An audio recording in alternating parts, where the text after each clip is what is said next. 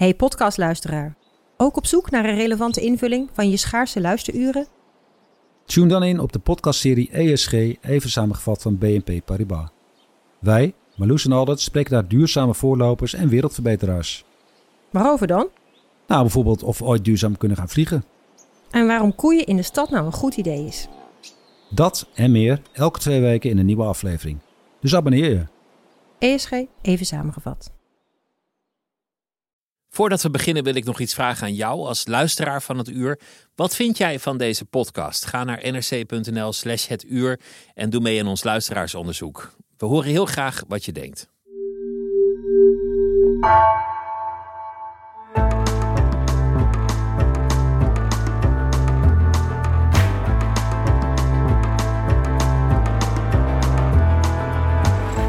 Welkom bij het uur. Tegenover mij zit een vijfvoudig wereldkampioen, vijfvoudig Europees kampioen, Marlou van Rijn. Ze won goud, brak een wereldrecord in een Olympisch stadion ten overstaan van 80.000 bezoekers en nog eens vele miljoenen voor de televisie. Kortom, een sportlegende.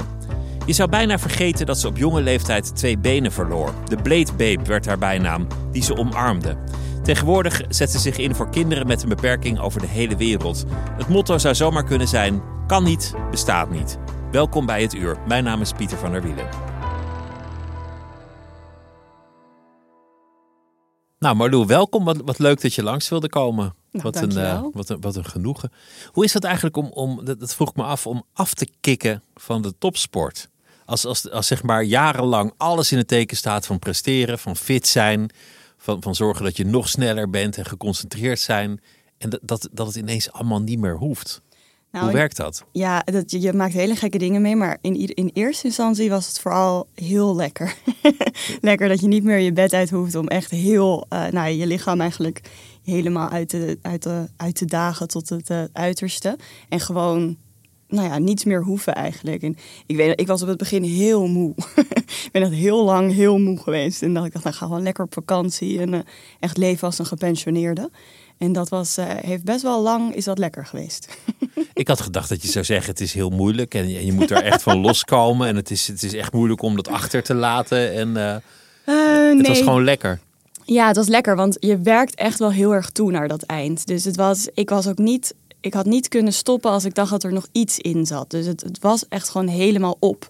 Dus dat je dan niet meer hoeft, dat is echt wel, dat is in eerste instantie echt een enorme opluchting. Voor mij in ieder geval. Er was een soort druk van je afgevallen op dat moment. Ja, want ik was best wel op het eind eh, bezig met continu een beetje brandjes blussen. Van had je weer een blessuretje hier of eh, je moest daar natuurlijk gaan presteren. En je merkte dat je er nog niet helemaal, nog niet helemaal was. Dus je, ja, je vraagt natuurlijk dagelijks echt het uiterste van jezelf. En het werd eigenlijk erger en erger, omdat je dus merkte dat het niet meer heel... ehm, nou ja, je, je vroeg misschien een beetje te veel. Je ging een beetje de grenzen over. Dus dat je dat dan vervolgens kan laten, dat was eigenlijk heel prettig. En dan kan je gewoon ineens met een zak chips op de bank zitten en Ja. denken met je benen in de lucht: ik hoef niks. Ja, ja, dat was eh, ja, heel veel chips. Een beetje te veel chips misschien wel. Nee, ik heb er in eerste instantie echt even heel goed van genoten. Ja, ik vond het echt heel fijn om... eh, echt een beetje een gevoel van vrijheid, ja. Toen, toen je er nog wel in zat, toen, toen vroeg je inderdaad het, het uiterste van jezelf. Ja, Ik, ik heb wat beelden teruggekeken. Het, het is ongelooflijk, maar ik, ik heb ook het idee dat je, dat je moest winnen. Het was niet een kwestie van willen winnen, maar het was gewoon een, een heilige drang en zelfs iets meer dan dat. Ehm, nou, ik hou gewoon heel erg van winnen. En ik had het inderdaad niet gedaan als ik niet het idee had dat ik kon winnen. Dus het was wel, ik ga niet dag in dag uit zoveel van mezelf vragen voor een, voor een vijfde plek. ik wilde dat wel alleen met, eh, nou, bijna de garantie, voor mezelf in ieder geval, om te winnen. En het leuke is eigenlijk dat je op het moment van die wedstrijd moet je het allemaal loslaten. Want dan, dat, dat is een heerlijk moment. Dus je werkt eigenlijk keihard toe naar die wedstrijd. En je probeert zoveel mogelijk eh, te controleren en te zorgen dat je, het, eh, nou, dat je aan alles gedacht hebt. Maar op het moment zelf is degene die wint, degene die het beste om kan gaan met eh, wat je op dat moment krijgt. Dus het weer, eh, de, de omstandigheden, of je nou of je, je serie later, ga, later begint of allemaal dat soort dingen. Dus dan moet je het loslaten. Dan moet je erop vertrouwen dat je er alles aan hebt gedaan. En dat is echt een soort. eh, Nou, dat, als ik iets mis, is dat het misschien nog wel. Dat, je dat daar moment dan- dat al die stress er vanaf valt. Ja, en al je die moet- spanning en het, het leven wordt eenvoudig, want je hoeft maar één ding te doen. Precies, en daar heb je heel hard voor gewerkt. Dus je, je hoeft op dat Als je namelijk in een wedstrijd nog na gaat denken over wat je moet doen, ben je al te laat. Dus als je na gaat denken, oh, ik moet reageren op het startschot, dan reageer je al te laat. Je moet er gewoon van uitgaan dat je reageert op het moment dat hij komt. Want daar heb je op getraind. En dus je, je moet alles loslaten en vertrouwen op je kunnen. En dat is, eh, eh, dat is maar 12 seconden lang. Of eh 25 als ik dubbele liep. En dat was, dat was heerlijk. Ja, Dus, dus een gedachte is eigenlijk al een teken dat je niet aan het concentreren bent. ja dan ben je Een gedachte van, oh, misschien gebeurt dit wel. Of, of goh, daar zit een bekende op de tribune. Dan ben je al helemaal verloren. Dat kost tijd. Of jee, dit gaat goed. Dat kan eigenlijk ook al een gedachte zijn. Eh, ja, ja dat heb ik, ik heb dat meegemaakt namelijk in mijn eer, bij mijn eerste gouden medaille in Londen in 2012. De 200 meter was mijn eerste grote gouden medaille. En daar had ik een meter voor de finish doordat ik won. en eh, toen eh, dacht ik, oh, ik win. En toen verloor ik zeg maar eh, die focus, omdat ik dacht, ik heb hem. En dat was heel gevaarlijk. Ik had zo daar gewoon kunnen vallen, kunnen struikelen. Want je, je gaat op dat moment 30 km per uur. Die focus en die controle is super belangrijk. En ik liet dat eigenlijk een beetje los. Godzijdank struikelde ik toch nog als eerste over die finish. Maar eh, ja, dat geeft wel aan dat je zit echt in een soort tunnel. En die tunnel, dat is heerlijk om in te zitten. En daar moet je ook zitten, want dan ben je Ja. aan het concentreren, dan ben je aan het winnen. Dat moment, 80.000 mensen in een stadion, je, je, je start iets trager dan de rest. Je, je, je Mhm. haalt dat in de race in en dan op een zeker ogenblik dan krijg je die vaart meer en meer en meer. En dan, ja, dan, dan schiet je ze allemaal voorbij. Ja, je haalt ze één voor één binnen. Dat zo voelt het een beetje. En Van ik weet, één eh, en nog één en ja, nog één. Voor zover je ziet. Want je, je, je focust je natuurlijk niet op, de, op baan 1 als je in eh, baan 4 ligt of zo. Dat heb je. Maar je voelt het wel. En ehm, het is een. eh, ja, het is. Je, je merkt. En het mooie was eigenlijk dat op het moment dat ik die focus verloor. Want het gekke is dat hele stadion is een soort waas. Want er zijn 80.000 mensen aan het schreeuwen. Dus je hoort echt wel wat. En je hebt dat echt wel door. Je voelt het vooral. En op het moment dat ik dus per ongeluk eigenlijk mijn focus verloor. Omdat ik dacht ik ga winnen was misschien wel het mooiste moment in mijn carrière. Want toen werd die ruis, werden echt mensen. Werden, er was echt geschreeuw. Dus ik had, voor mijn gevoel ging ik met die mensen over de finish. En won ik samen met, dat, met die 80.000 mensen eh, een gouden medaille. Dus ik kon het daarna nooit meer doen. Want het was een fout eigenlijk die ik heb gemaakt. Maar het was de mooiste fout uit mijn carrière. En toen had je goud en, en Ja. dat was het, eh, Ja. het grote moment. Kijk je er vaak op terug? Eigenlijk niet meer. Wel toen, het, eh, toen ik hem had gewonnen. Ik geloof wel dat ik tot aan Rio wel veel heb gekeken. gewoon omdat het een lekker comfortabel gevoel was om naar te kijken. Zo van, nou je weet, je kan dit gewoon en eh, kijk hoe leuk dit was. Hiervoor doe je het. Dus het was een soort fijne reminder soms, als het wat moeilijker werd. Maar eh, nu eigenlijk niet meer, nee.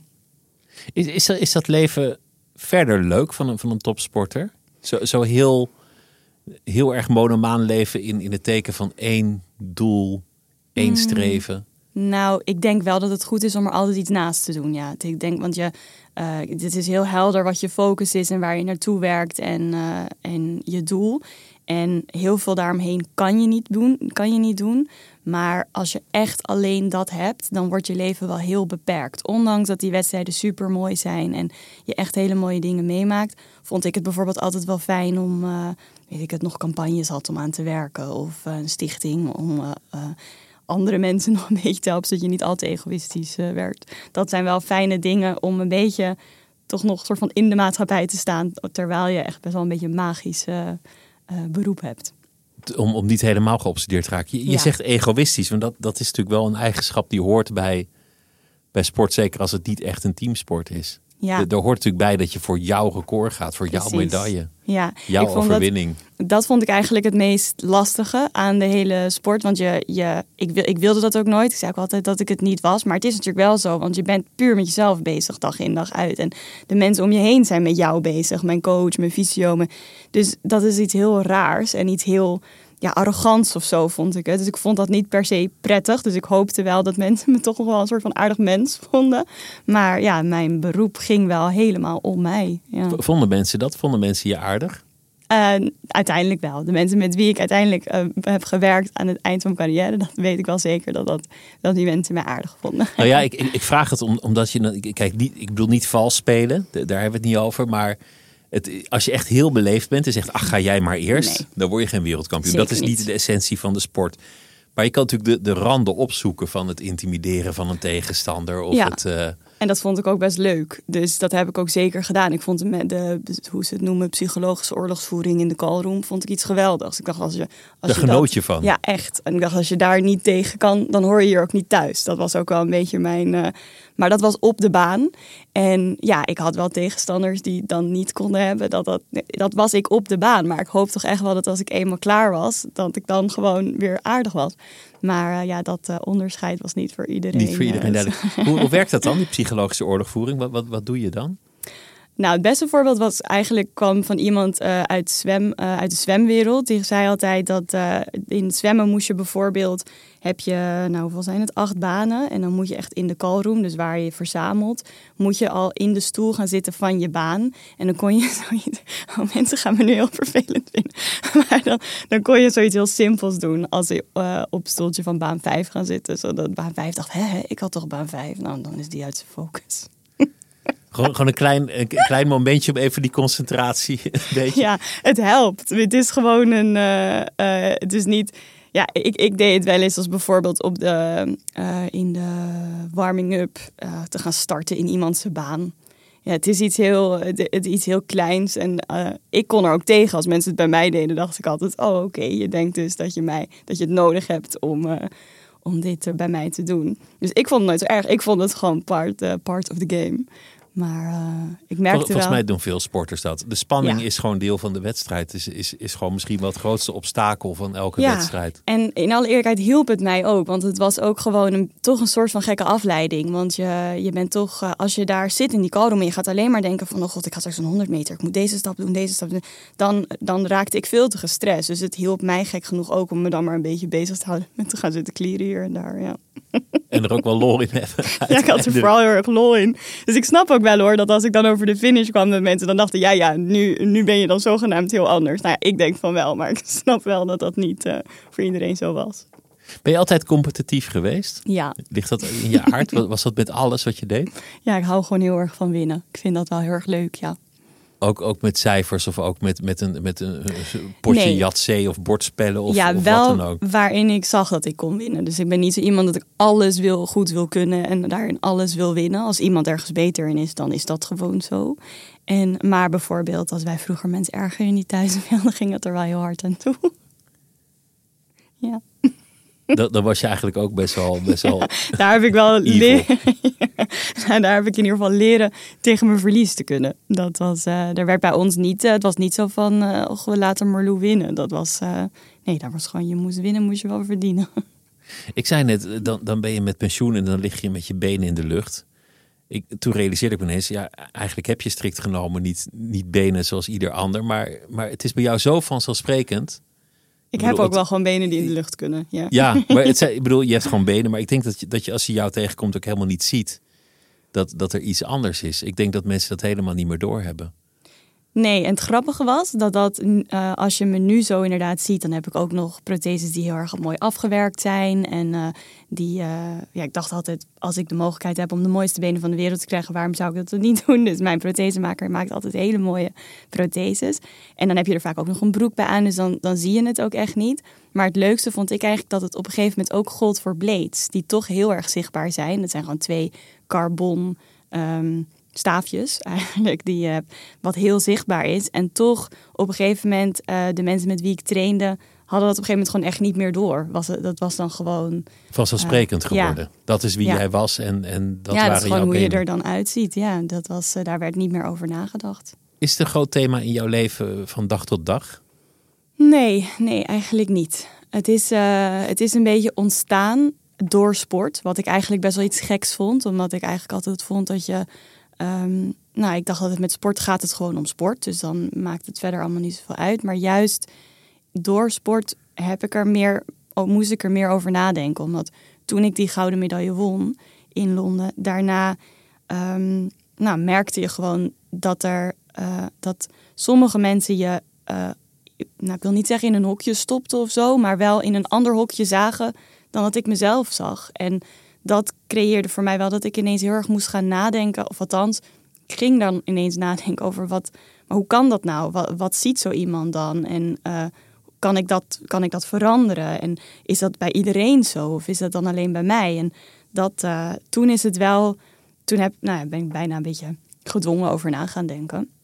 Waardoor ik er wel nu meer uh, over weet en over vind. Dus je had er daarvoor ook helemaal niet zoveel over nagedacht? Want, nee. want, want jij won en het ging uh, een beetje over de wedstrijd en over de sport en de training. Maar het ging ook heel erg over, over jouw, jouw benen, over je jeugd. Ja. mensen vroegen daar de hele tijd naar. Ja, ik vond dat best wel iets geks. En misschien was dat naïef.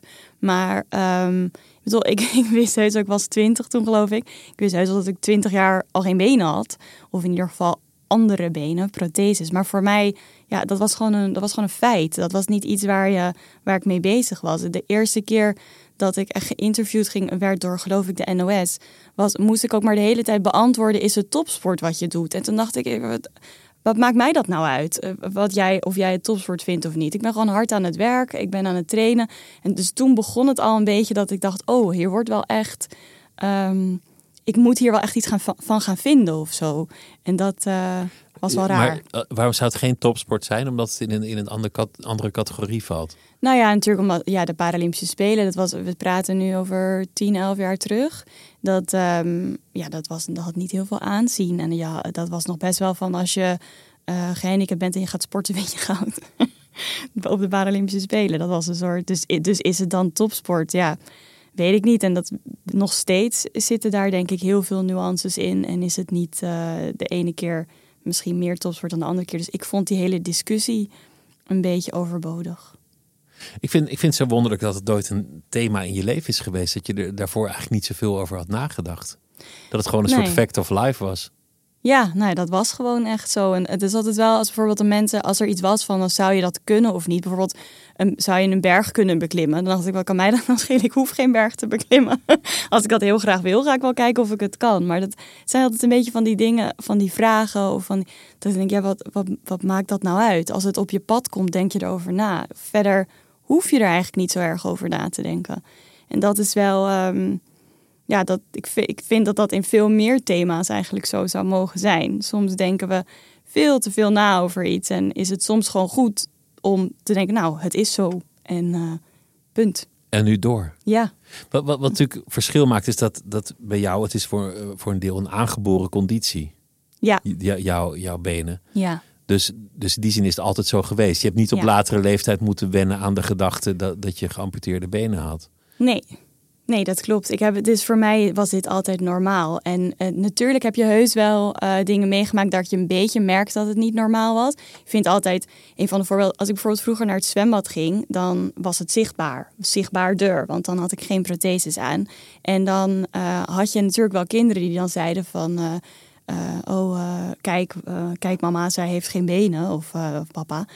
En dan dacht ik altijd, dan had je altijd of ouders die dan zeiden van uh, van nee, nee, nee, weet je, kom maar, kom maar mee, uh, dat, dat is zo. Of je had ouders die gingen zeggen: Nee, maar kijk, ze heeft het toch hartstikke leuk. en ze kan toch zwemmen en ze is heel gezellig. En dacht, maar beide hoeft niet. Het kan, enige wat je hoeft te doen is te zeggen: Dat ja, klopt. Punt. En weer door. Dan maak je het niet iets bijzonders. Uh, het is niet per. Je hoeft niet. Nou, het is gewoon hoe ik eruit zie. En dat is voor heel veel mensen zo. En veel meer dan dat hoeft het niet te zijn. Ik denk dat het heel veel zou schelen als we er gewoon zo plat naar kijken. En überhaupt gewoon lief zijn voor mensen. Ik bedoel, ook voor jou en ook voor mij. Uiteindelijk denk ik dat het altijd goed is als we gewoon rekening houden met elkaar. En daar hoef je niet per se bijzonder voor te zijn. Want, want, want bij jou, het, het zijn, je, je bent geboren met zeg maar een gedeelte van het onderbeen. Ja. En, en dat maakte noodzakelijk dat, dat uiteindelijk eerst het ene, toen het andere been met een paar jaar ertussen ja. geamputeerd werd. Ja, en ik had, uh, er ik had wel een soort van voetjes, maar die uh, soort van voetjes. en die groeiden, uh, die groeiden uit, ja, hoe zeg je dat? vergroeiden eigenlijk. En dat was, um, nou ja, dat had op een gegeven moment geen functie meer. Zo zou je denk ik het meest plastisch kunnen omschrijven, waardoor het geamputeerd werd. Dus het werd het eigenlijk het werd makkelijker. Dus ik kon daardoor makkelijker protheses en makkelijker lopen. En die protheses, dat was eigenlijk meteen zo. Dus je hebt heel jong geleerd om met protheses ja, je hebt te- eigenlijk te- het te verschil. Je hebt ortheses en protheses. En ortheses is ondersteunend. Dus dat had ik toen ik nog een soort van voetje had. Dat zie je bijvoorbeeld, eh, ehm, nou, misschien een beetje te vergelijken met een spalk of iets in die richting. En protheses is vervangend. Dus dat is, omdat er geen voet is, vervang je dat. eh, dus, maar ik heb het dus altijd iets, eh, iets daarin gehad. Ja.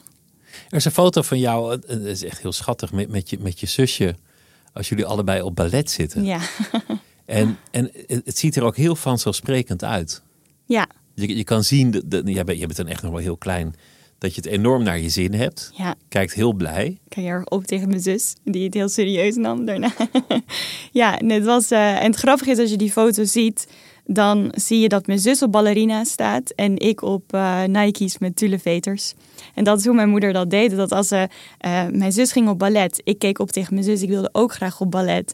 En mijn moeder zorgde gewoon dat dat mogelijk was. Dus ik heb nooit, ander, ik heb nooit gedacht dat ik anders was. En als er dan, ehm, nou ja, de ballerina's gingen toen moeilijk over de ortheses dan toen der tijd. En dus eh, had ze super vette schoenen. en, dan- en ik vond die gewoon heel cool. Dus dat, eh, dat was nooit dat ik dacht, oh nu ben ik anders, want ik heb andere schoenen. Nee, ik had gewoon vette schoenen. Dus dat, eh, en verder kon ik gewoon meedoen. En eh, ging dat makkelijk toen, toen je moeder zei van, eh, zij gaat ook op ballet? Nou ja, soms, met dit soort dingen denk ik altijd wel, je zou eigen mijn moeder moeten vragen. Want, jij was toch heel klein? Ja, en zij is echt wel een beetje eh, de inspiratie hierachter. Want door haar heb ik dit nooit hoeven mee te maken. Kon ik ook, was het dus voor mij ook nooit een issue. Want als ik iets wilde, omdat mijn zus het deed of omdat ik iets leuk vond, nou dan zorgden we gewoon dat dat mogelijk werd. En met zo ben ik opgevoed. Dus als je, ehm, als je iets wil, nou dan gaan we kijken hoe dat mogelijk eh, gemaakt kan worden. We gaan een weg vinden. Maar, de houding was eigenlijk van, je moet gewoon kunnen doen wat je wil. Je moet gewoon meedoen. We gaan niet denken in beperkingen. We gaan denken in mogelijkheden. Ja, en je, je negeert ze ook niet. Want dat, eh, dat lijkt soms wel eens alsof je er dan te makkelijk over denkt. Maar ik geloof echt dat het zo makkelijk is. Als je maar gewoon kijkt naar, oké, waar zit hem dan het verschil? En hoe kunnen we dat verschil oplossen of beperken?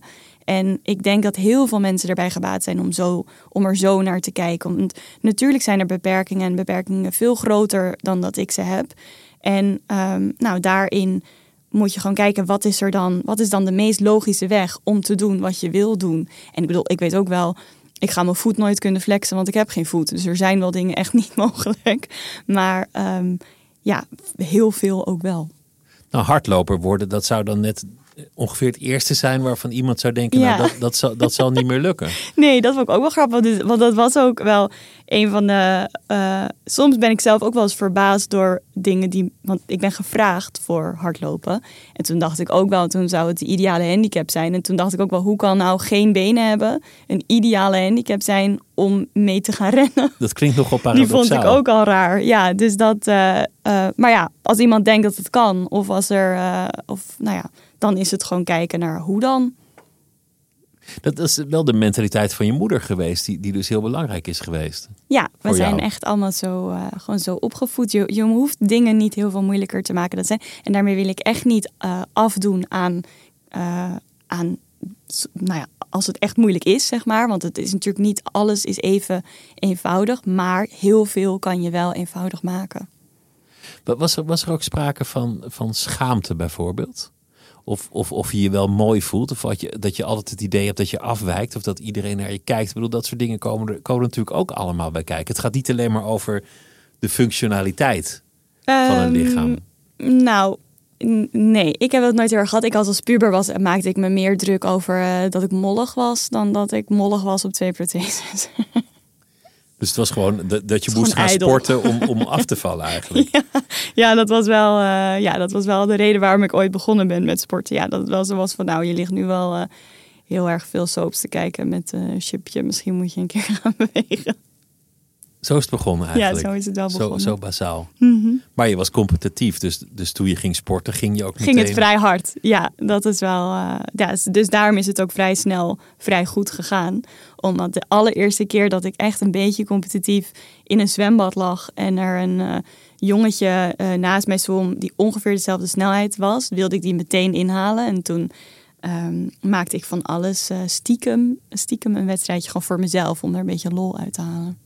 Om te winnen. Wa- Ja. wa- Wat, was die eerste keer dat je, dat je Blades onder kreeg. Weet je dat nog? Jazeker, dat was, ehm, eh, ik was 18 en eh, het, was, het was iets heel bijzonders, omdat, eh, nou ja, wat je zegt, ik had geen benen en hoe ga, je dan, hoe ga je dan rennen? Ik heb altijd protheses gehad en ik dacht ook eigenlijk altijd wel dat ik rende. Dus als ik bijvoorbeeld een beetje te laat was voor de bus of zo, dan rende ik naar die bus. Maar toen ik eenmaal op bleed stond en datzelfde ging doen, toen merkte ik dat je echt snelheid kon maken als je rent. En het grote verschil is eigenlijk als je rent op gewone protheses, op de meest simpele protheses, dan val je iedere stap stil.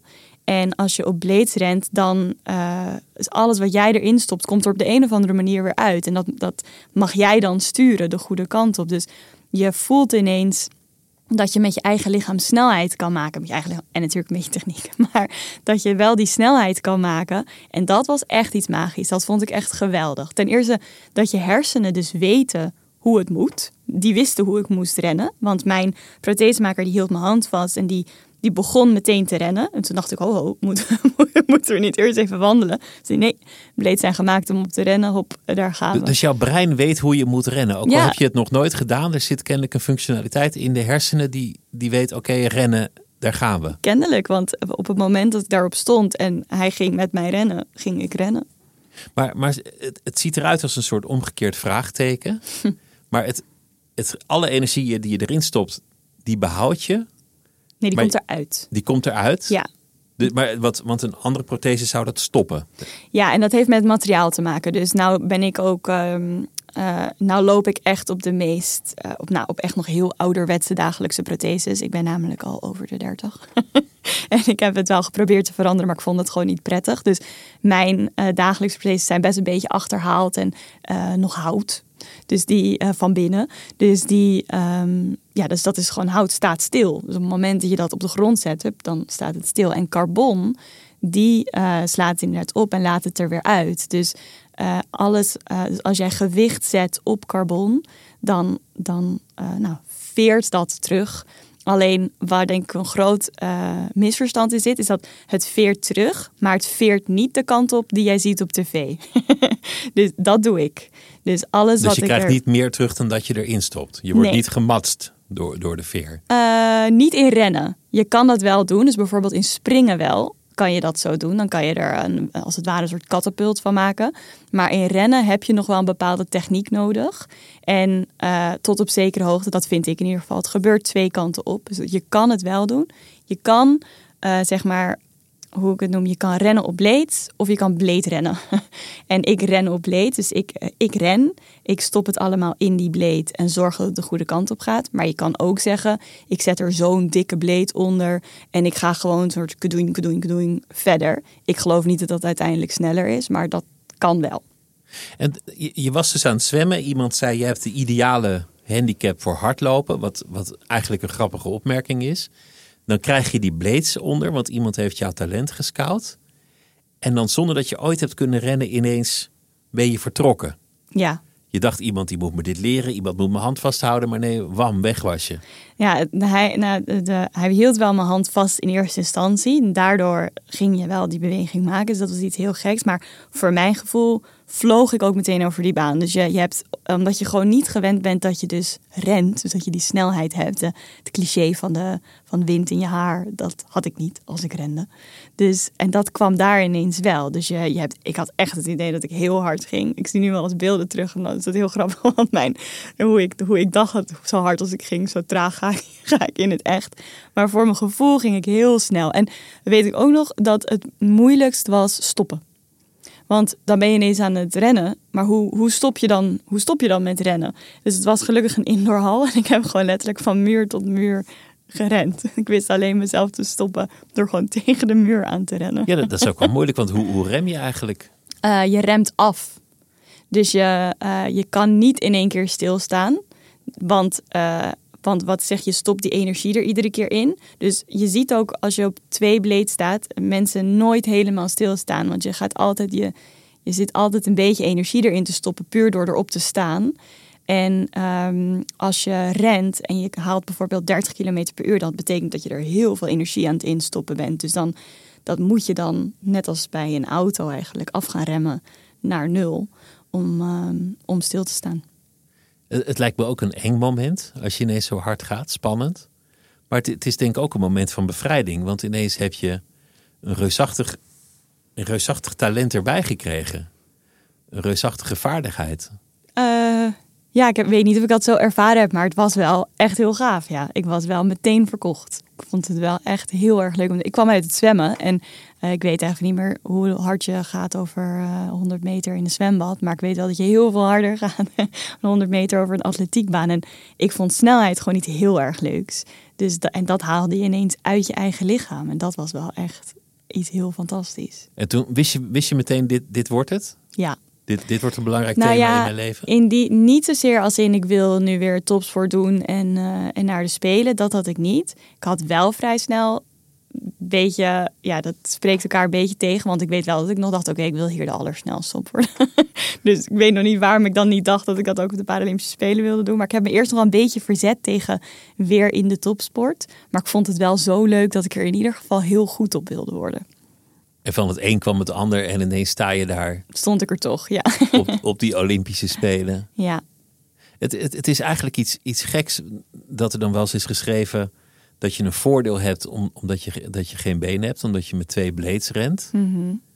dat, dat is natuurlijk heel paradoxaal. Dan, dan- hoe, hoe kan dat nou een voordeel zijn? Maar er, er zit ook een soort, soort raar iets in dat, dat we in sport hopen op een gelijke wedstrijd, dat iedereen gelijk aan elkaar moet zijn. Ja, Dat is een soort illusie die we koesteren. Terwijl mensen zijn per definitie niet gelijk aan elkaar. Je, je Nee. kan ook zeggen, de een heeft langere benen dan de ander. Dat is niet eerlijk. Of, Nee. of, of die heeft nou eenmaal wat meer spiermassa van nature. Dat is niet eerlijk. Dus, de, dus ik vind het altijd eigenlijk een raar iets dat we, dat we het aan de ene kant totaal gelijk willen trekken. Terwijl aan de andere kant is het juist de viering van de uniciteit en het verschil in talenten van mensen. ja. Ik, ik kom daar niet helemaal uit. Nou, ik denk dat het in dit geval wel echt te maken heeft met dat er techniek bij komt kijken. In een sport waar dat natuurlijk niet is. Dus, eh, Waar normaal alleen het lichaam Precies, functioneert, ja. heb je nu iets technologisch. En ik vind dat terecht. Want ehm, ik, kijk, ik snap, eh, ik snap dat Oscar Pistorius het ooit gewild heeft. Want daar komt het eigenlijk vandaan. Hij was de eerste die zo snel was dat hij zich überhaupt kon plaatsen voor de Olympische Spelen. Dus ik snap, ik, dat snap ik ook. Hij was de Paralympische Spelen echt ontgroeid op dat moment. Ehm, maar het is, het is niet eerlijk. Het is gewoon per definitie niet eerlijk, want je hebt ander materiaal. Dus het is, het is anders.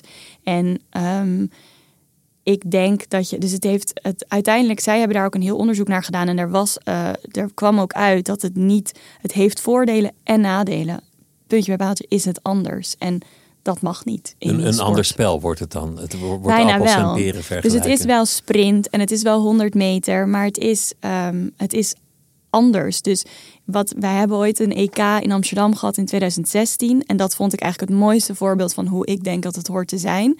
Daar had je eh, de 200 meter van Shereni Martina, de 200 meter van Daphne Schippers, de 200 meter van mij en de 200 meter van iemand in van een rolstoel. eh, in een rolstoel. En dat was gewoon achter elkaar en het was allemaal een 100 meter. Het was hetzelfde event, anders ingevuld op één, eh, op één toernooi. En ik denk dat dat de meest eerlijke manier is. Maar, maar het blijft dan toch wel dat er een soort aparte spelen zijn. Dat je Ja. zeg maar de Olympische Spelen hebt, wat, wat dan toch het hoofdpodium is. En dan daarnaast vindt ook nog het, het Paralympische evenement plaats. Ja, En, en dat, dat voelt toch een beetje on- onterecht. nou, ik vond dat ook wel echt heel lastig. Ik weet nog van na 2012, na die gouden medaille, werd er ook gezegd van een nieuwe boegbeeld van de Paralympische Spelen. Maar ik was het helemaal niet heel erg eens met de volledige Paralympische Spelen. Of überhaupt misschien wel dat het bestond. En ik denk alleen, nou als je, ik weet, ik heb me dit ooit laten vertellen, ik moet het altijd nog een keer checken. Het schijnt dat bij het IOC in de statuten staat voor excellence in sport, dus de beste van de beste. En bij Paralympische Spelen is het, moet het eh, toegankelijk zijn voor iedereen. Dus als je een handicap hebt, moet er ruimte zijn op de Paralympische Spelen. Dat betekent dat er altijd ehm, een bepaalde breedte sportaspect eigenlijk aanhangt in plaats van topsport. En ik heb dat ook meegemaakt. Mijn 200 meter verdween omdat er een 100 meter moest komen voor een nieuwe sport met een eh, andere handicap. Nou ja, ik vind het in principe goed, alleen dan is het geen topsportevenement. En dat, is, dat blijft dus een soort, eh, ja, dat blijft een soort tegenstelling in één toernooi. Ja, die ik heel, heel ingewikkeld vind wel, ja. De, de, twee, de twee verdragen elkaar niet. Topsport is uiteindelijk ja, gewoon Ja. streberigheid, de beste willen Precies, zijn. vervelend lopen doen in de car. Ja, dat is gewoon egoïstisch zijn. Gewoon gaan voor, voor jouw ultieme resultaat. Ja. En het andere riekt een beetje naar liefdadigheid dan. Nou ja, kijk, ik vind, ik heb daar eh, veel over nagedacht uiteindelijk. En ik denk dat je altijd moet streven naar inclusie. Gewoon überhaupt in de sport, maar in de maatschappij, in de samenleving. Dan, eh, we leven samen. Het is letterlijk samenleven. Dat is inclusie. Dat is dat er ruimte is voor iedereen. Tegelijkertijd zijn we daar niet. Dus moet je soms zorgen dat er toch een extra ruimte gecreëerd wordt waar in ieder geval de keuze is dat je kan doen wat je wil doen. Maar ik denk wel dat je dat alleen kan doen zolang je ook op zoek gaat naar inclusie daarnaast. Dat is mooi gezegd. dus je moet het toegankelijk maken. Je moet niemand op voorhand uitsluiten. Maar dan, als we er eenmaal staan, moeten we wel gewoon lekker goor voor de sport en voor het beste Nou, gaan. je zou het eigenlijk kunnen zien als dat het. Ik denk dat de Paralympische Spelen altijd zal moeten blijven bestaan. Want je moet gewoon in aanraking kunnen komen met sport. Er moet een toernooi zijn waar je naartoe kan werken, zodat je niet, eh, nou, zodat je iets, iets hebt om naartoe te werken. Dat je, een- dat je een doel kan vinden in je sport. Dat is wat het vaak leuk maakt. En alleen dat als je het misschien op een gegeven moment dat je kan zeggen, maar het volgende niveau is dan geïntegreerd in de Olympische Spelen. Dus dat dat eh, dat het Paralympische Spelen bijna een opstapje is naar een event binnen de Olympische Spelen. Zoals jij ook gewoon in het Olympische Stadion stond. En gewoon deel uitmaakte van de televisieuitzendingen. En ook gewoon 80.000 man publiek had. Dus ook gewoon op het allerhoogste podium denkbaar Ja, stond. ja Wa- waardoor, die, waardoor die prestatie ook gewoon het volle licht krijgt. precies. die die maar, verdiende. En, maar dat was helaas echt een uitzondering. Dus ik ben enorm, eh, eh, ja, hoe, zeg je dat? eh, blij dat ik dat heb mee mogen maken, want het is daarna nooit meer gebeurd. Dus het was een supermooi iets en het was een fantastisch voorbeeld van hoe het kon zijn, Ehm, maar het is nooit meer gebeurd. En er is niet op voortgeborduurd. En dat komt denk ik doordat je altijd weer toch ook moet kijken naar zijn we er voor iedereen. En ehm, nou ja, als ik het wel eens bijvoorbeeld met een NOS die het uitzond erover had, die kwamen dan echt wel naar het WK toe om te kijken of ze het uit konden zenden. Maar die zeiden dan ook, ja, maar wat zenden we dan uit? En als we het hele toernooi uitzenden, dan dat is niet, het is geen volledig topsportevenement. En dat is best wel hard, maar dat is dus gezien de statuten en het doel van een Paralympisch comité wel logisch. Er zijn ook mensen die zeggen: elke wedstrijd is een wedstrijd tegen jezelf. Voor iedereen. En daar is eigenlijk ook wel iets voor te zeggen. De prestatie van de een is nooit helemaal te vergelijken met die van een ander. Nee. Dat is de illusie die we graag koesteren op een sportbaan. Ja, Van, van nou ja, ze, ze starten gelijk en, en, en ze eindigden niet gelijk. Nee. Nou ja, kijk, ik heb beide gehad. Ik heb eh, echt eh, tegen een, eh, een flink podium moeten strijden. En ik heb wel eens gewoon puur tegen mezelf moeten strijden, omdat, de, omdat je veel sneller was dan, dan de rest. Dus uiteindelijk moet je het altijd zelf doen en ga je voor je eigen tijden.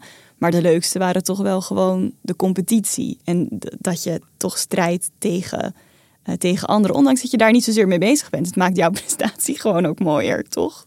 Als er ook nog iemand anders op de baan Ja. stond. ja, Als je het allemaal maar in je eentje gaat lopen doen, wordt het wel een beetje saai kijken. ja dat, dat denk ik wel uiteindelijk. Nou, het, het zou ook een soort, soort metafoor voor de samenleving kunnen zijn. Ik, ik heb de indruk dat we, dat we mensen om allerlei redenen te snel wegstoppen. Of, of te snel apart zetten. Of, of een apart klasje voor iedereen oprichten. Dat, we, dat we voor iedereen een eigen samenlevingje proberen te creëren. Met, met Ja. vast hele lieve bedoelingen. Of soms ook gemakzucht. Nou ja, daar zeg je een hele goede. Want wat ik net eh, omschreef als dat, je, ehm, dat het goed is dat de Paralympische Spelen er is. Het mag niet zo zijn dat we het dan daar ook mee afdoen. Ik vind dat het een mooi voorbeeld hebben we bij voetbal. Je hebt nu, eh, dat heet amputatievoetbal. Nou, ik vind daar van alles van. Maar op zich zou je kunnen zeggen goed dat het er is. Wat, is amputatievoetbal? Letterlijk wat het is. Dus eh, als je een amputatie hebt, dat je daarmee kan voetballen. Ja. Nou, ik denk dan mooi dat het er is. Maar het mag niet zo zijn dat je dan nu zeg maar, we hebben amputatievoetbal, dus je mag met een prothese niet meer meedoen tussen de andere kinderen, want we hebben amputatievoetbal. En dat is wat er nu wel gebeurt. En dat, eh, zo werkt het niet. Maar het ding is, eh, je hebt, eigenlijk heb je het hier nu over inclusie en diversiteit. En dat is per definitie een tegenstelling. Want inclusie is één groep. Dat is allemaal samen. Dat is het samenleven waar we het over hadden. En diversiteit, Ja, dat komt eigenlijk uit de biologie. Dat, zijn, uh, dat is allemaal micro bio uh, dingetjes bij elkaar gaan zetten en uh, floreren. Maar daarvoor moet je ze wel gaan benoemen. Moet je de groepen benoemen en moet je zorgen dat er representatie is voor die groepen om een divers gezelschap te krijgen. En beide is goed, maar wel anders. Want de een gaat uit van één grote, grote groep en de ander gaat uit van verschillende groepen in een grote groep. En, en het, dat is niet te verenigen. Je kan niet zeggen, oké, okay, we, we, benoemen alle groepen. Iedereen mag zijn eigen label dragen. Maar uiteindelijk zitten we allemaal in bent. dezelfde samenleving. Precies. En wat je nu uh, krijgt, is die, ik denk dat diversiteit een soort tool is om uiteindelijk inclusie te bereiken. Want je, het moet, je moet het, bijvoorbeeld quota vallen onder diversiteit. Um, uh, keuzevrijheid valt eigenlijk ook onder diversiteit. Dat je namelijk kan, kan kiezen waar je, bij welke groep je wil horen. Maar uh, je gaat wel uit van verschillende groepjes. En je wil uiteindelijk, althans ik vind, dat je altijd uit moet gaan dat de verschillende groepjes wel uiteindelijk volledig gelijkwaardig naast elkaar kunnen leven. En je dus zelf kan kiezen in uh, waar je je bij, uh, bij hoort en dan altijd gelijkwaardig bent aan de ander dat, dat is wel interessant. Want er is een soort neiging van oude mensen stoppen we in oude mensenhuizen. Mensen, mensen met een beperking die, die gaan naar een aparte school voor mensen met een beperking. De een heeft ADHD, die gaat naar het ADHD-klasje. De ander is autistisch, gaat naar het autistische klasje. Kan je niet lezen, dan word je in een apart klasje voor mensen die niet goed kunnen lezen gezet. Ja. En zo wordt, wordt uiteindelijk iedereen apart genomen. Maar als je dit zo zegt, dan denk je toch wat een werk en wat een gedoe. Als je nou gewoon kijkt naar nou, waar we het net over hadden met ballet als je nou gewoon puur kijkt, maar wat is er nou nodig om wel mee te kunnen doen? Dan is dat veel minder gedoe. Maar we denken dat het makkelijker is om allemaal aparte dingen te doen. Want dan hebben we de juiste zorg en de juiste uh, kennis. En soms is dat zo. Maar gebruik die zorg en die kennis nou om het meteen toe te voegen in de samenleving. Je ontzegt iemand um, nou ja, zijn plek in de maatschappij. Soms.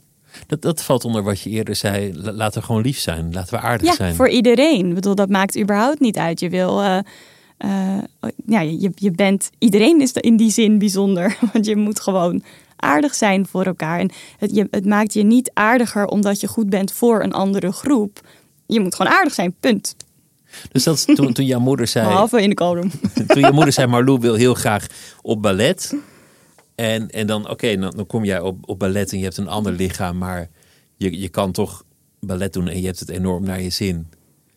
Dat is, dat is eigenlijk, dat is inclusie. Oké, ja. we vinden een weg, kom er maar bij. We gaan kijken wat je kan en wat je niet kan. Precies, ja. En ik denk dat daar, uh, dat, dat het uiteindelijk moet zijn. Ik geloof oprecht ook dat dat kan voor iedereen. Dus alle groepen die je net opnoemt. Ik geloof echt dat we een volledig inclusieve samenleving kunnen krijgen ooit.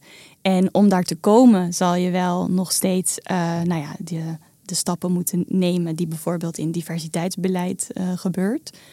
Maar zolang je maar je vasthoudt aan dat je uiteindelijk allemaal gelijkwaardig aan elkaar kan zijn. Je, je bent tegenwoordig ook actief, of, of eigenlijk al best wel lang, uh, met, stichtingen en charities, waarbij je ook inzet voor kinderen met een beperking op, op heel veel plekken in de wereld. Wat, wat houdt dat precies in? Nou, eigenlijk wat ik net heb verteld.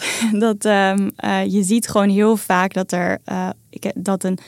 Ik vind het niet zo fijn als een kind een goed doel gemaakt wordt, omdat je dan weer eigenlijk, dat is weer niet gelijkwaardig, ondanks dat het goed bedoeld is. Dus hou ik me heel erg bezig met hoe vul je het dan in, dat je wel goed kan doen, maar het wel gelijkwaardig houdt. En zo laatst, dat vond ik echt geweldig, was er een meisje op Aruba. En op Aruba is een hele grote scholencompetitie van de reguliere scholen. En uh, nou, dit meisje had alleen materiaal nodig om mee te kunnen doen. We hebben voor dat materiaal gezorgd en iemand, uh, een trainer die ervan op de hoogte was. En um, en zij doet nu mee. En zij, zij, de leukste foto die ik heb gekregen was waar ze gewoon stond te kletsen met andere meisjes. Ze was niet eens aan het sporten, maar ze was gewoon lekker aan het kletsen. En uh, onderdeel van, van al die scholen op dat moment, al die, al die kinderen. Dus zo simpel is het. Iemand wil iets, er moet materiaal komen. Soms is het zo simpel. Niet altijd. Soms is er echt wel meer voor nodig. Maar vaak als er meer voor nodig is, zit het in de structuren, niet zozeer in de mensen. Hoe werkt dat? Iemand komt bij, bij jullie terecht of jullie zijn op zoek of, of, of, heb je een netwerk of krijg je tips? Hoe, hoe gaat zoiets? Uh, ja, het is, over, het is over het algemeen komt het uit een netwerk en we doen het alleen op basis van projecten. Dus het is niet zo dat je naar mij toe kan komen en zegt ik eh, wil een bleed, hoe, hoe doe ik dat? Maar um, we kijken bijvoorbeeld van nou, daar zien we een hele makkelijke oplossing. We gaan kijken of we dat kunnen doen. Dus het is, uh, het is eigenlijk als ik iets leuk vind en als ik denk, oh, daar kunnen we echt iets betekenen, kunnen we iets toevoegen in plaats van weer iets opnieuws opzetten, dan, um, dan doen we dat. Hoe, hoe, zou, hoe zou jouw droom eruit zien op dit vlak? Als, als, als we zeg maar echt daar waren waar jij zou, zou willen dat we waren? Uh, nou ja, eigenlijk uh, een letterlijke samenleving. Dus waar je in je uh, allemaal gelijkwaardig bent aan elkaar en kan doen wat jij wil doen. En dat we daar en dat je daar um, nou, in ondersteund wordt als in, in plaats van afgeremd. Het, het, zou eigenlijk gewoon kunnen zijn zoals je, zoals je vroeger naar de winkel ging om een hockeystick te kopen. Ja. Ik bedoel, een prothese is ongetwijfeld iets ingewikkelder dan een sportschoen. Nee, maar dit is dus grappig dat je dit dus nu al zegt. Want dat is dus hoe je dat heel snel krijgt. Dus je, je in eerste instantie denk je, oh, het is net zo makkelijk. Maar uh, het zal wel moeilijker zijn. Ja, ik weet het eigenlijk nee, niet. Het, dus hou het vooral gewoon lekker vast op het zal wel makkelijk zijn. Want dan maak je het voor jezelf ook meteen makkelijker. Maar want in, dan in ga je denken zou je het in ieder geval zo makkelijk moeten kunnen krijgen. Ja, dus wij, ik heb ooit een project gedaan, dat heette Project Blade. En daar ging je dus ook gewoon, uh, nou hier verderop, de Kalverstraat, heb je de Nike Store. En daar ging je naar binnen met je vriendje of vriendinnetje. De een kreeg advies welke schoen uh, die nodig had, omdat je wilde tennissen of basketballen of rennen. En de ander welke voet daar dan bij paste. En dan zorgden we binnen een aantal weken dat dat... Uh, Um, dat het geregeld werd. Net als, een, als je bijvoorbeeld een schoen zelf laat maken, dan duurt het zes uh, tot acht weken. Nou, inmiddels niet meer, maar toen zes tot acht weken voordat je hem thuis gestuurd kreeg. Zo deden we dat ook met Blades. En ondertussen gingen wij dan aan de gang met de prothesemakers en zorgden we dat die dat allemaal wilden doen. En dan um, op het moment dat je je Blade kreeg, ging je weer samen met je vriendje, vriendinnetje naar een super vette runclub, waar je van hele gave trainers leerde rennen. Samen met je vriendjes en vriendinnetjes met het idee dat als je op dezelfde manier start, dat het ook makkelijker is om naar een vereniging te gaan, makkelijker is om mee te doen bij de gymles en je je dus gelijkwaardig voelt aan uh, de groep waar je je in bevindt. Terwijl het zo makkelijk zou zijn om iemand gewoon op de bank te zetten. Of scheidsrechter te maken. Dat zie je heel oh, veel bij gebeurt dat gym. ook veel? Ja, dus er heel veel is gewoon. En dan heb je ook vaak nog te maken met pubers die al denken, nou zet mij maar op de bank. En dan uh, word je ook nog eens niet gestimuleerd, terwijl je dat bij andere kinderen wel doet. En het is dus geen extra werk. Dat probeer ik vaak zo duidelijk maken. Je, vaak wordt er zo ver gedacht van, oh, het is zo... Um, het is, je moet zoveel extra's doen. Maar dat is helemaal niet zo. Je moet gewoon even iets bewuster zijn van wat je, wat je normaal gesproken al doet. En misschien één of twee aanpassingen maken voor uh, een ander. Het, het is echt een metafoor voor, voor een samenleving waarin steeds meer mensen, naar mijn gevoel, op de, aan de zijkant worden gezet niet Ja. meer mee kunnen doen, om, omdat er ook maar iets anders is. En dan. Nou, en ik denk ook wel dat dat, blij, dat het ook wel is omdat we soms misschien een beetje blijven hangen in diversiteit. Dus dat we heel erg bezig zijn met welk groepje hoor je bij, in plaats van hoe verbinden we het groepje.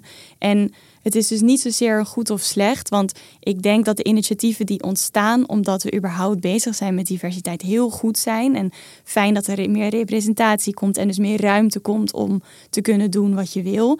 Alleen ik wil zo graag die verbinding zien. Dus als je dat dan hebt, de volgende stap is wel zorgen dat je dat in de samenleving kan gaan brengen, waardoor iedereen er blij mee is, in plaats van dat je tegenover elkaar gaat staan. Dat is uiteindelijk moet je gewoon kunnen zijn wie je wil zijn en moet daar ruimte voor zijn. En dat uh, ik, ja, ik denk dat mensen daartoe in staat zijn als je maar op zoek gaat naar die verbinding en die gelijkenissen. Ze, ze noemden jou altijd de Babe. Mm -hmm. En was, was je in, in Monnikendam toen je opgroeide ook altijd dat ene meisje? Had je het idee dat je opviel, buiten de groep nou, viel? Wij hadden, ik woonde inderdaad in Monnikendam en dat was een heel klein dorp. En uh, mijn broertje is bruin, mijn vader was tien jaar jonger dan mijn moeder en ik was gehandicapt. Dus we waren op zich wel een berucht. opvallend gezin. ja. We zijn, wel een we zijn toen wel verhuisd, eigenlijk vooral omdat mijn broertje dus bruin is en we het gewoon een gek idee vonden dat je dan de enige, echt letterlijk het enige bruine kind bent in een heel dorp. Dat vonden we gek, dus we wilden wel iets uh, diverser gaan wonen.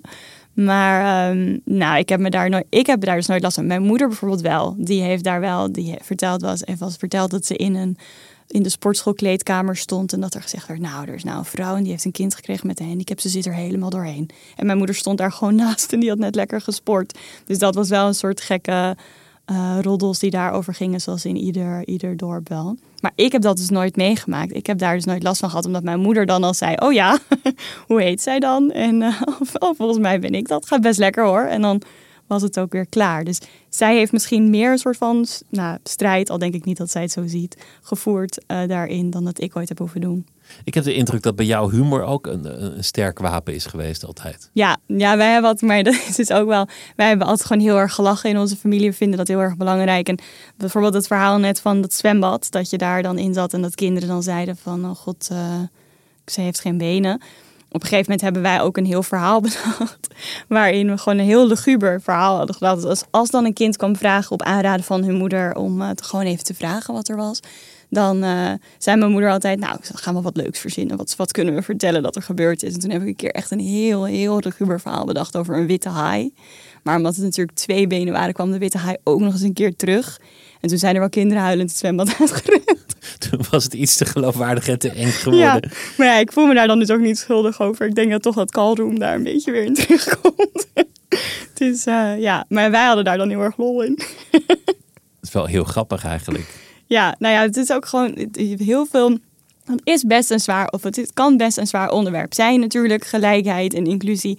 Maar uiteindelijk moet je volgens mij gewoon plezier hebben in het leven. En um, is, dat, is dat het allerbelangrijkste. En als jij plezier hebt in je aparte groepje, of juist uh, aan de zijlijn, of juist erin, dan denk ik dat het allerbelangrijkste is als je maar plezier hebt. Ik denk dat het ook belangrijk is dat je, dat je kinderen leert dat er altijd meer mogelijk is dan je denkt. Ja, dat, dat is volgens mij de les die je aan alle jonge mensen moet meegeven.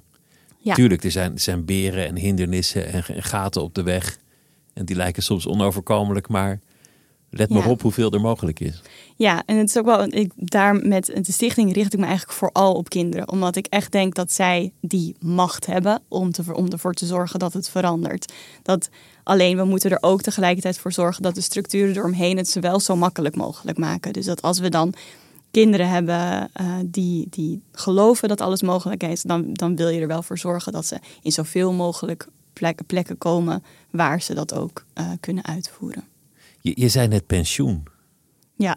Je zei, ik, ik ben al over de dertig en ik ben met pensioen. Ja, nou inmiddels niet meer. Ik heb goed genoten van mijn pensioen. Ik werk nu als uh, consultant meest vage beroep ter wereld, denk ik altijd. Maar dat is eigenlijk dit. Dus dat is uh, binnen organisaties um, uh, helpen met de strategie, vooral op het gebied van marketing en, en inclusie. Omdat ik dus denk dat, dat er heel veel gebeurt, heel veel goeds gebeurt, maar je, uh, je nog zoveel meer kan bereiken door het soms gewoon ietsje simpeler te maken of je doel wat helderder te maken. En um, dus zo kan je daar aan de ene kant voor zorgen dat hopelijk de organisaties uh, zorgen dat de juiste structuren er zijn waarin iedereen zich fijn voelt. En dan tegelijkertijd zorgen dat de kinderen die er aankomen, de volgende generatie, ervoor zorgt dat we weer een stap verder komen. Dus, dus dat is wel echt een heel mooi, mooi doel wat je daar ook hebt. Ja, en genoeg werk ook. Ja. En genoeg werk ook. Ja, er, er is toch wel wat te doen. Ja. Ik vind het wat fascinerend, oudsporters. Vooral in de voetballerij, als ze eigenlijk niet zoveel meer hoeven. En dat het hoogtepunt van het leven al 30 jaar achter ze ligt. Ja, dat, vond ik eigenlijk wel... nog best jonge mensen zijn. Precies, en dat vond ik ook echt wel, wel spannend. Want toen ik gestopt was, toen was ik volgens mij net 30 geworden. En toen dacht ik, ja, maar volgens mij kan ik nu nog een hele nieuwe carrière. Dus in eerste instantie dacht ik ook, ik wil er niks meer mee te maken te hebben. En ik ga nu iets heel nieuws doen. Maar dat was ook wel raar, want je hebt toch wel hele mooie dingen meegemaakt en leuke mensen ontmoet en veel geleerd. En um, dus, maar dat maakt het wel dat je echt even moest zoeken naar je plek. En waar je nog. Ik vond vooral, ik wilde heel graag nog iets toevoegen. Ik wilde niet. Uh, ik hoef niet meer per se uh, um, met mijn hoofd op een uh, billboard. Maar ik wilde wel nog iets toevoegen.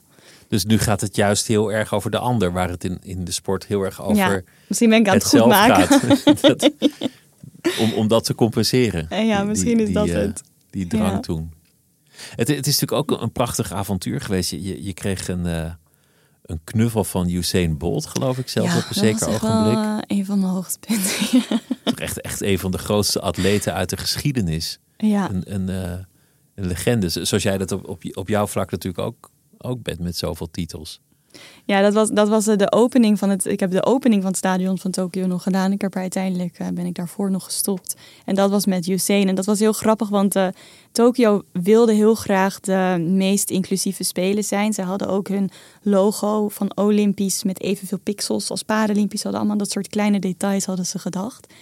Helaas door corona hebben ze dat nooit echt kunnen laten zien. Maar die wil was daar heel erg. En uh, dus bij de opening hadden ze dat uh, voor Japanners zo gemaakt dat, um, dat Paralympisch en Olympisch het samen zou, uh, zouden openen. Dat was voor mij ook wel, want toen kwam er ineens kwam de, kwam de ja, hoe zeg je dat, de promotiefoto kwam uit waar ik met Usain op stond. En dacht ik, oké, dit is wel heel cool. Daar sta je dan. ja, en toen, uh, maar ja, vooral gewoon hele lieve mannen. Heel leuk gehad. Hij heeft gehad, waar jij het net over had, van, van dat je eigenlijk een fout maakte door te denken, ik ben aan het winnen. Mm -hmm. Hij had het eigenlijk, toen hij zijn fantastische overwinning haalde, nog iets erger. Hij keek om. Ja. Hij keek, waar blijft de rest eigenlijk? Zo snel was hij. Dat, dat, is, dat is strikt genomen een fout. Je, gaat natuurlijk nooit achterom kijken in zo'n wedstrijd. Nee. Maar hij lag zo ver voorop dat hij gewoon over zijn schouder kon kijken en denken... Nou jongens, komen jullie Waar nog? zijn jullie? Ja. Waar, waar blijven ze?